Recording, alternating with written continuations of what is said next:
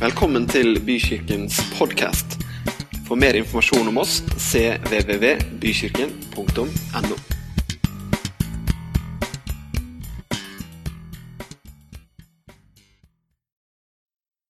Det er et vers som står om Jesus i Hebreerne 1,9. Det står jo ikke Hvis du leser Bibelen om Jesus, så står det ikke 'Å, Jesus lo og slo seg på knærne', liksom. Det står egentlig ikke det, noe sånt, men det står noe i Hebrebrene 1,9 om Jesus. Du har elsket rettferd og hatet urett. Derfor, Gud, din Gud, har, derfor har Gud, din Gud, salvet deg og ikke dine venner med gledens olje. Og Det handler om Jesus. Han var salva med gledens olje. Og Det betyr at det hadde med Den hellige ånd å gjøre. For når vi snakker om salvelse, så har det med Den hellige ånd å gjøre. Alltid. Og med glede. Så det forteller meg at Jesus var en som hadde glede når han levde her som et menneske. Han var glad, rett og slett. Han hadde en glede med seg når han gikk her og var her blant oss nede på jorda. Eh, og Jesus er vårt forbilde. Bli mine etterfølgere.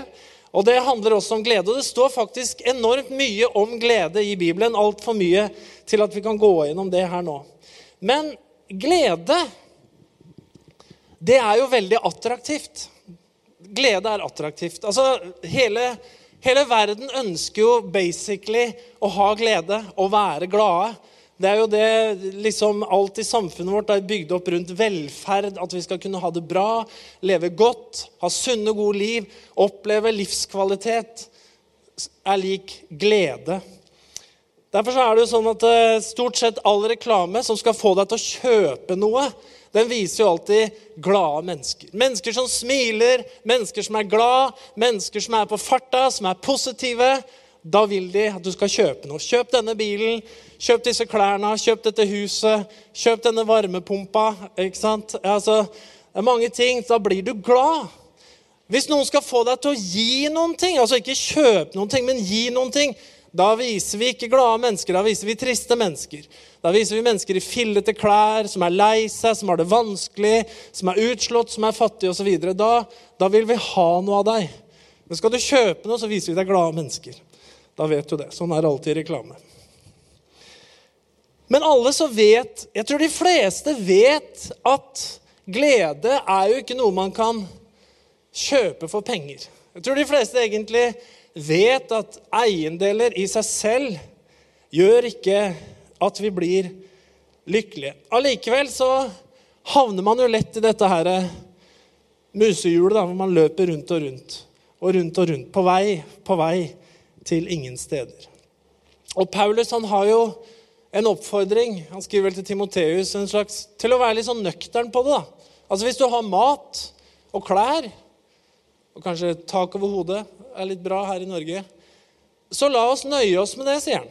Vær fornøyd med ikke altfor mye, men de nødvendige tinga. Og vi vet at dypest sett så handler jo ikke glede om hva vi eier, men det handler jo om en tilstand inni oss. Det er det som er inni oss, som gjør om vi er glad eller ikke glad. En fattig kan ha mer glede enn en rik. Sånn er det, og vi vet om det. Allikevel så er det jo sånn at det å ha glede, det er så mange ting i livet som treffer oss, at den fort kan bli tatt fra oss, ikke sant? Vi trenger glede. For det er utrolig mange faktorer som påvirker livet vårt. Og jeg tenker at når når det sies 'gled dere i Herren' Igjen vil jeg si 'gled dere, gled dere alltid'. Ikke sant? Vær alltid glade. Så er det en sånn oppfordring som høres veldig vanskelig ut. For det står også i Bibelen om at uh, man skal sørge, og man kan, kan gråte og man kan klage. Altså, Hvordan henger det sammen med 'vær alltid glade'? da? Og Noen ganger så har det blitt gjort sånn Ja, nå skal vi være glade, dere! Kom igjen, alle begynner å le nå. ikke sant? Altså, ja. og så kommer i gang, liksom. Men det er ikke nødvendigvis glede, tenker jeg da. Jeg tror at når Bibelen snakker om det på den måten, så snakker den om en slags grunnglede da, som vi kan ha inni oss. Som kanskje er, egentlig kan si er en dyp glede. En glede som er der selv når vi sørger. En glede som er der selv når vi taper og mister noe, for det gjør vi jo. Vi kan ikke gå gjennom livet uten å miste noe. Uten å sørge over kanskje noen vi var veldig glad i, som gikk bort, osv. Hva er glede? Jeg tror vi kan si at glede er kraft. Glede er energi. Når du er glad, så blir du utadvendt. Når du er glad, så får du lyst til å gjøre noe. Du får lyst til å ta initiativ. Glade mennesker tar initiativ. Glade mennesker har lett for å komme i gang med ting. Altså, Du vet jo sjøl, hvis du går hjemme og er glad, så er det, det er lett å gjøre ting. Det er lett å gå ut og gjøre de oppgavene. Det er lett å gjøre disse daglige tinga. Når vi er deprimert, når vi er lei oss, hva gjør vi da? Vi trekker oss inn i oss sjøl. Vi isolerer oss. Vi setter oss aleine. Vi trekker oss bort fra fellesskapet. Vi orker ikke å gå ut og gjøre oppgavene våre. Vi orker ikke å gå på jobben lenger, ikke sant? Når vi kommer langt nok ned. Da har vi ikke kraft. Da har vi ikke energi. Men glede er kraft, og kraft er glede. Vi kan godt snu det på hodet. Glede er kraft, og kraft er glede. Glade mennesker gleder seg i nuet og snakker med små bokstaver om gamle nederlag.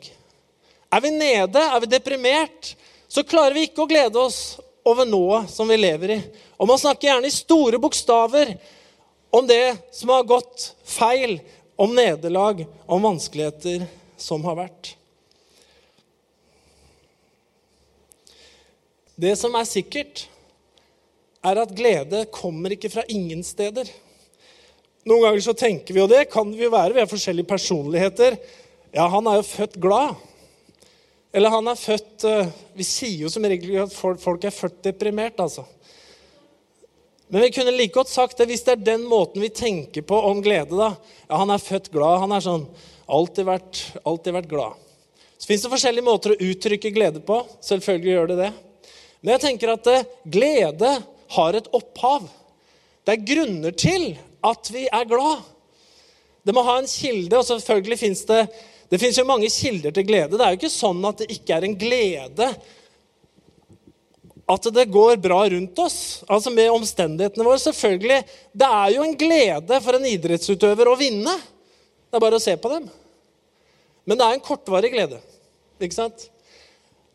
Selv om de tinga kan gi oss glede igjen og igjen, og igjen, så kan det også veldig fort tas fra oss. da. Hvis du har en fotballspiller som begynte da han var fem år jeg mener Når han scora mål, så jubla han. ikke sant? Nå er han profesjonell, han er 30 år, han skårer mål, og han jubler fortsatt like mye 25 år etterpå. Det er gøy hver gang. Men så taper vi neste match. Og da er det ikke gøy. Da gråter vi. Jeg bomma på straffe. Vi har sett dem. De ligger på gresset. ikke sant? Voksne mannfolk i sin beste alder. Oppegående folk. De gråter, de hulker, de rister. Hvorfor? For de skøyt den lærkula utafor en stang. Og da går livet i stykker lite grann. Helt til du scorer igjen og vinner noe. Men derfor så må vi ha en en stabil energikilde. Vi er jo veldig opptatt av det nå for tida. Ha stabile energikilder for å holde varmt. Fordi at Hvis vi har ustabile energikilder, da blir det jo veldig dyrt, har vi merka. Så når det gjelder glede, så må vi også ha en stabil energikilde. Og Bibelen sier noe om glede. I Galaterbrevet så skriver Paulus om Eh, åndens frukt. Altså resultater av hva Den hellige ånd gjør i oss. Det er flere ting han sier der, men han sier bl.a. at åndens frukt er kjærlighet, glede, fred, overbærenhet, vennlighet, godhet og trofasthet osv. Som sagt, vi vet jo at vi kan glede oss, og det skal vi selvfølgelig få gjøre. Vi skal glede oss over gode ting som skjer rundt oss. Klart vi skal gjøre det. Men de tinga vi gleda oss over i går, det er utrolig hvor fort vi slutter å glede oss over dem. Bare i går så skulle vi jo ha ribbe fordi at vi har hatt en slags votering hjemme som har gått i min disfavør. Vi skal ha pinnekjøtt på julaften, som er veldig godt, men jeg har aldri opplevd det før. Så det blir noe nytt for meg å ikke spise ribbe. Så da skulle jeg ribbe i går. Og Da står jeg på kjøkkenet og ordner, og så er Katrin hun er inne i stua og pynter bordet litt. da, sånn, Ikke julaftenpynting, men vi skal ha litt hyggelig. Lørdag kveld. Og sier 'Magnar, kan ikke du komme og se?' Eh, jeg veit ikke, eh, ikke om bordet ble noe fint. Og jeg sier som en god ektemann jo da, det blir alltid fint når du pynter. Det har jeg full tillit til. Uh, ja, men jeg er litt usikker. Jo, men det, blir, det, er helt sikkert fint. Ergo, jeg har ikke tid, jeg gidder ikke å gå inn i stua nå, for jeg holder på med noe annet. Uh, og så sier hun det som fikk meg til å gå inn i stua. Jo, men det ble litt 90-talls. Oh, tenkte ble det 90-talls? Jeg så for meg litt sånn bygdegrønt og låverødt og rosemaling eller hva det var, som var populært den gangen. Eller en bord oppe ved taket. ikke sant? Så tenkte jeg så må jeg gå inn, da. Og der ligger og løper midt på bordet som helt riktig den er veldig 90-talls. Jeg kikker jo på den, og hun kikker på den. Ja, 'Det er jo ikke noe fint', sier hun. 'Nei, det er jo greit', sier jeg. Trakk tilbake. Den var sikkert kjempefin. Det var det jeg visste. Du syns ikke det var noe fint. Nei, det var egentlig ikke noe fint, sa jeg. Da gjør vi sånn, sa jeg. Så tok jeg av den og så gikk og kasta den i søpla. Og så kom diskusjonen etterpå. Har vi kjøpt den en gang i tida? Nei. Kan ikke tro at vi har kjøpt den. Nei, kan ikke tro det jeg heller, egentlig. Vi må ha fått den i gave. Ja, Noen har gitt den i gave engang. Det er sånn julegaver som du gir bort til folk som du skal gi smågaver til, som ikke har vært noen ting, som du bare kjøper i full fart uten å ha sett så nøye på den. Du kjenner sånne gaver. Ja, i hvert fall, Det var sikkert en sånn, så den, den gikk i søpla da. Men kanskje vi hadde kjøpt den. Kanskje vi var kjempefornøyd den gangen hvor vi kjøpte den her på 90-tallet. Hvem vet? Det forandrer seg jo hele tida. Men det Jesus sier, det er at Den hellige ånd En frukt av et liv med Den hellige ånd er bl.a. glede. Og så kan man spørre ja, hva gjør Den hellige ånd, da? Er det sånn at den bare skaper en sånn stemning inni en hele tida uansett, liksom, på en måte? Og så tenker jeg det at eh, ja, Vi har ganske mange historier om mennesker som opplever at Den hellige ånd kommer og gir man en sånn en boost, en, en kickstart på livet, hvor man blir fylt av Den hellige ånd. Og det blir nesten som en rus. Så, vi hørte vitnesbyrdet her forrige søndag. Det var nesten som en gledesrus. Han gikk jo på møte, tre møter hver søndag og alt hva man kunne. ikke sant? Og så er du ikke Jeg har faktisk aldri hørt om noen som har levd i det kicket hver dag, som har vært kristen i 40 år. Det har Jeg faktisk aldri hørt om. Jeg har, hørt om veldig, jeg har opplevd det sjøl, å få et sånt kick. Men jeg har aldri hørt om noen som har opplevd det kicket hver dag, f.eks. i 40 år. Fordi at eh, jeg tenker at Den hellige ånds frukt er glede. Hva er den fremste oppgangen til Den hellige ånd? Når Jesus snakka om at Den hellige ånd skal komme, så var det ikke det først og fremst. Han skal gi dere kick på kick og kick på kick på kick, faktisk. Det er det Den hellige ånd skal gjøre. Jeg etterlater dere ikke farløse. Det var ikke det han sa. Den hellige ånd skal komme, og han skal veilede dere. Han skal lære dere. Han skal undervise. Han skal tale om de kommende ting. Altså med andre ord, Den hellige ånd hjelper oss til å leve livet i tråd med Guds vilje og Guds ord på en måte som gjør at vi får glede inni oss. God samvittighet, gode valg, gode verdier. altså Det er det fremste Den hellige ånd gjør inni oss. Sånn at vi kan oppleve den frukten som kommer, som er glede. For jeg tror ikke at glede er løsrevet fra hvordan vi lever. Jeg tror det henger ganske nøye sammen, faktisk. Jeg har ikke telt over sjøl, men noen har sagt at det står i Bibelen Vær ikke bekymret, eller bekymre dere ikke, eller en eller annen vending på den frasen, i hvert fall 365 ganger. Det betyr at det er en oppfordring til oss hver eneste dag gjennom året.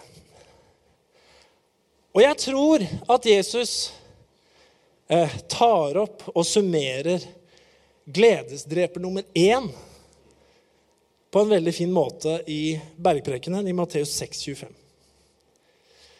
Han sier, 'Derfor sier jeg dere, vær ikke bekymret for livet, hva dere skal spise, eller hva dere skal drikke, heller ikke for kroppen, hva dere skal kle dere med. Er ikke livet mer enn maten og kroppen mer enn klærne? Vær ikke bekymret. Og det han sier, er for livet er mye mer enn det. Og jeg syns det er fantastisk det når Per Yngve sier at Jesus er min frelser og min helbreder. Det er ikke noe han skal bli, det er noe han er. Og så sier han i intervjuet at det er ikke så farlig for meg om jeg opplever min kroppslige helbredelse her og nå, eller om det kommer i evigheten. Og Jesus stiller spørsmålet ja, for er vel ikke livet mye mer enn om du har et handikap, eller om du mangler noe eller ikke mangler noe? Er vel ikke livet så mye mer enn det? Og det intervjuet her, denne historien til Per Yngve forteller jo om det at jo, livet er jo så mye mer enn den ene tingen som du for øyeblikket ikke har. Og så kan alt dreie seg om det, og man er bekymra for det. Fordi det her er kanskje en felle som vi så lett går i. da. Det er det her at dagen i dag, livet mitt i dag, er egentlig bare på en måte et arbeid for lykken som ligger lenger framme. For gleden som jeg en dag skal oppleve. Og alltid så er det sånn at lykken er i morgen. Gleden er i morgen. Det jeg kan glede meg over, det kommer. Framtida er lys. Vi får 5G. Framtida er fantastisk. Det blir så bra. Eller i kristen sammenheng The best is yet to come. Altså Når du har hørt det i ti år, eller 20 år At the best is yet to come for the Church of Christ, liksom. Ja vel. Jeg trodde det var nå, jeg. Ja, for ti år siden. Så er jo poenget det at som Jesus skriver, at eh, Bekymre deg ikke for morgendagen. Hver dag har nok med sin egen plage. Lev i dag. I dag har du noe å glede deg over, ikke sant? Når jeg blir pensjonist Når du blir pensjonist, så kanskje du ser tilbake. Det hender jo det når du begynner å bli eldre, at vi begynner å se tilbake. Det var ikke så verst å være 35 allikevel. Det var ikke så verst å være 30 allikevel. Ikke sant? Sånn at eh, vi må kunne glede oss over det som er i dag, istedenfor å være bekymra. Og det er jo den der bekymringa som kveler gleden vår ofte, er ikke det? Jeg skal gi deg noen tips da, om det her med bekymring. For det første, hvis du leter etter en grunn til å være bekymra, så kommer du alltid til å finne en. Det fins alltid noe å være bekymra for. Det er jo avisene hele tida nå. Store overskrifter. 'Bekymret'. Nakstad er bekymra hele tida. Han lever i å være bekymra. Det, det, er klart, det er lov Men altså, man kan jo være så bekymra. Og man trenger jo ikke Det er jo ikke bekymring som liksom bare er eneste grunn til å gjøre noen gode valg. Man kan gjøre gode valg her i livet uten at alt er basert på bekymring. Du kan alltid bli bekymra. Som blir strømprisen i morgen? Dette er veldig aktuelt. Den blir det den blir. Akkurat nå får du ikke gjort noen ting med det. Faktisk. Det fine er også at de aller fleste ting vi bekymrer oss for, det skjer ikke. Kanskje noen av det skjer, men det meste vi bekymrer oss for, det skjer ikke. Vi bekymrer oss ofte altfor mye for ting som aldri faktisk skjer. Og så fins det en annen ting, og det er det her med sammenligning. Det tar mye glede fra oss, altså. Hvis vi liksom gleden er basert på at vi skal nå det, vi skal nå det, vi skal ha det, det ene og det andre Jeg må være best, jeg må være flinkest. Jeg mener, Nå blir ungdommen det blir jo deprimert av å være på Instagram. ikke sant? For alt er jo så vellykka. Det er bare vellykka mennesker så langt øyet kan se. Og så begynner man å sammenligne seg. Og det, det, er godt å vite at så lenge du lever her på jorda, så vil det alltid være noen som er bedre enn deg. Det vil alltid være noen som er rikere. Det vil alltid være noen som er penere. Det vil alltid være noen som har bedre karakter enn deg. Det vil alltid være noen som har en bedre jobb enn deg. Det vil alltid være noen som er sprekere enn deg. Det er alltid noen som har løpt fortere enn deg. Det er alltid noen som har slanka seg mer enn deg. Det er i det hele tatt alltid noen som slår deg. Og hvis du opplever en gang i livet å være verdens beste, så tar det jo slutt, det òg. For det kommer jo alltid en som slår deg. ikke sant? Bjørn Dæhlie er jo ikke verdens beste skiløper lenger. Og i hvert fall ikke Oddvar Brå. Så det skjer jo noe. Så vi må jo slutte å sammenligne oss med andre mennesker. Og så må vi begynne å takke for det vi faktisk har i dag. Takknemlighet er utrolig viktig for å bevare gleden. For det var jo gøy å få liksom endelig råd til den nye sofaen. Den skinnsofaen. Endelig! Helt til jeg kommer til naboen min, som kjøpte den der de luxe-modellen som kosta dobbelt så mye. Ja, ja, ja, ja vi kjøpte sofa, vi òg. Liksom. ja, det er mange måter å miste glede på. Vær takknemlig. Jakob skrev, 'Lider noen blant dere ondt, la ham be.' Er noen glad til sinns, la ham lovsynge. Når Paulus og Barnabas ble kasta i fengsel ved en anledning, så skjedde det noe veldig rart. Det skjedde et mirakel.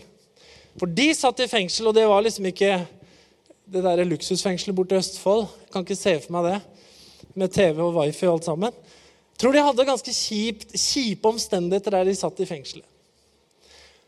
Og som sagt, lider noen blant dere ondt, la ham be. Noen glad til sinns, la ham lovsynge. En skulle jo tenke da at disse brødrene som satt i fengsel, eh, ville lene seg på B. Men de gjorde faktisk ikke det. De, de sang lovsanger mens de satt der. Og dere kjenner jo historien, de fleste av dere. De sang lovsanger. Og fangevokteren hørte det. Og det hele tatt. Og det endte jo med at eh, fengselet faktisk eh, det ramla sammen, altså. Det raste hele fengselet. Og det forteller meg at i disse vanskelige omstendighetene da, så hadde de en sånn grunnglede innerst inne som var større enn det som hadde med omstendighetene å gjøre. Og de sang lovsanger. Og jeg, jeg tror ikke at Paulus sa til Barnabas at dø, nå vi bare, jeg er deppa, du er deppa, vi har det skikkelig kjipt. Nå bare, nå bare vi, begynner vi å synge lovsanger, for det, det, bare gjør vi som en sånn viljesgreie. Liksom. Så jeg tror faktisk som vi leser andre steder i apostelens gjerninger, at de, de takka Gud.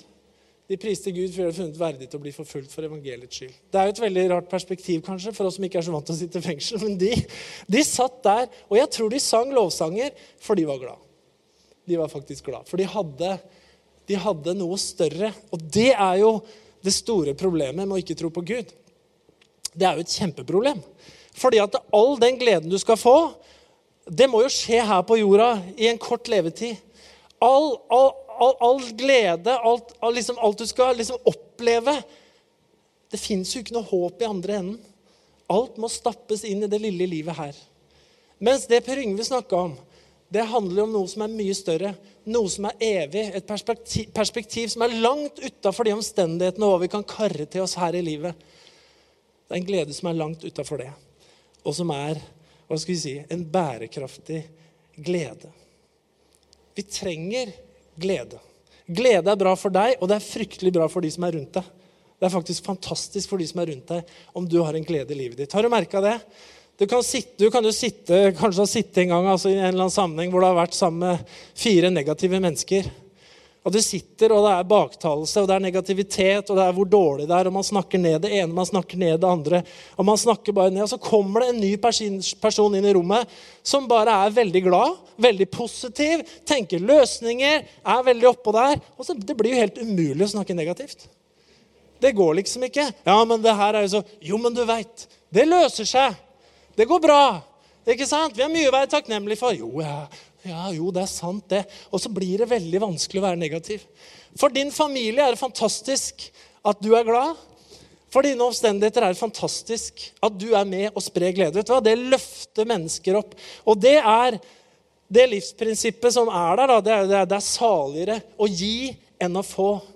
Og det, når vi kan gi av glede og være glad med de som er rundt oss, så gir det oss også så mye tilbake av glede. Det blir noe, en sånn spiral som går oppover. Man kan alltid finne grunner til å være negativ. Man kan alltid finne grunner til å være bekymra. Men gleden i Herren, vet du hva? det er vår styrke. altså. Jeg leste et tips til dere unge menn som kanskje er her i dag. Og En som spurte hvorfor er det sånn at det enkelte gutter som egentlig ikke er så kjekke, får så pene damer. Da sa han hemmeligheten er at de har så mye glede og er så morsomme at de pene jentene ler så mye at de har øynene mest igjen. Så det er ikke så nøye med utseendet. Det kan du ta med deg på veien. Så sier jeg amen med det.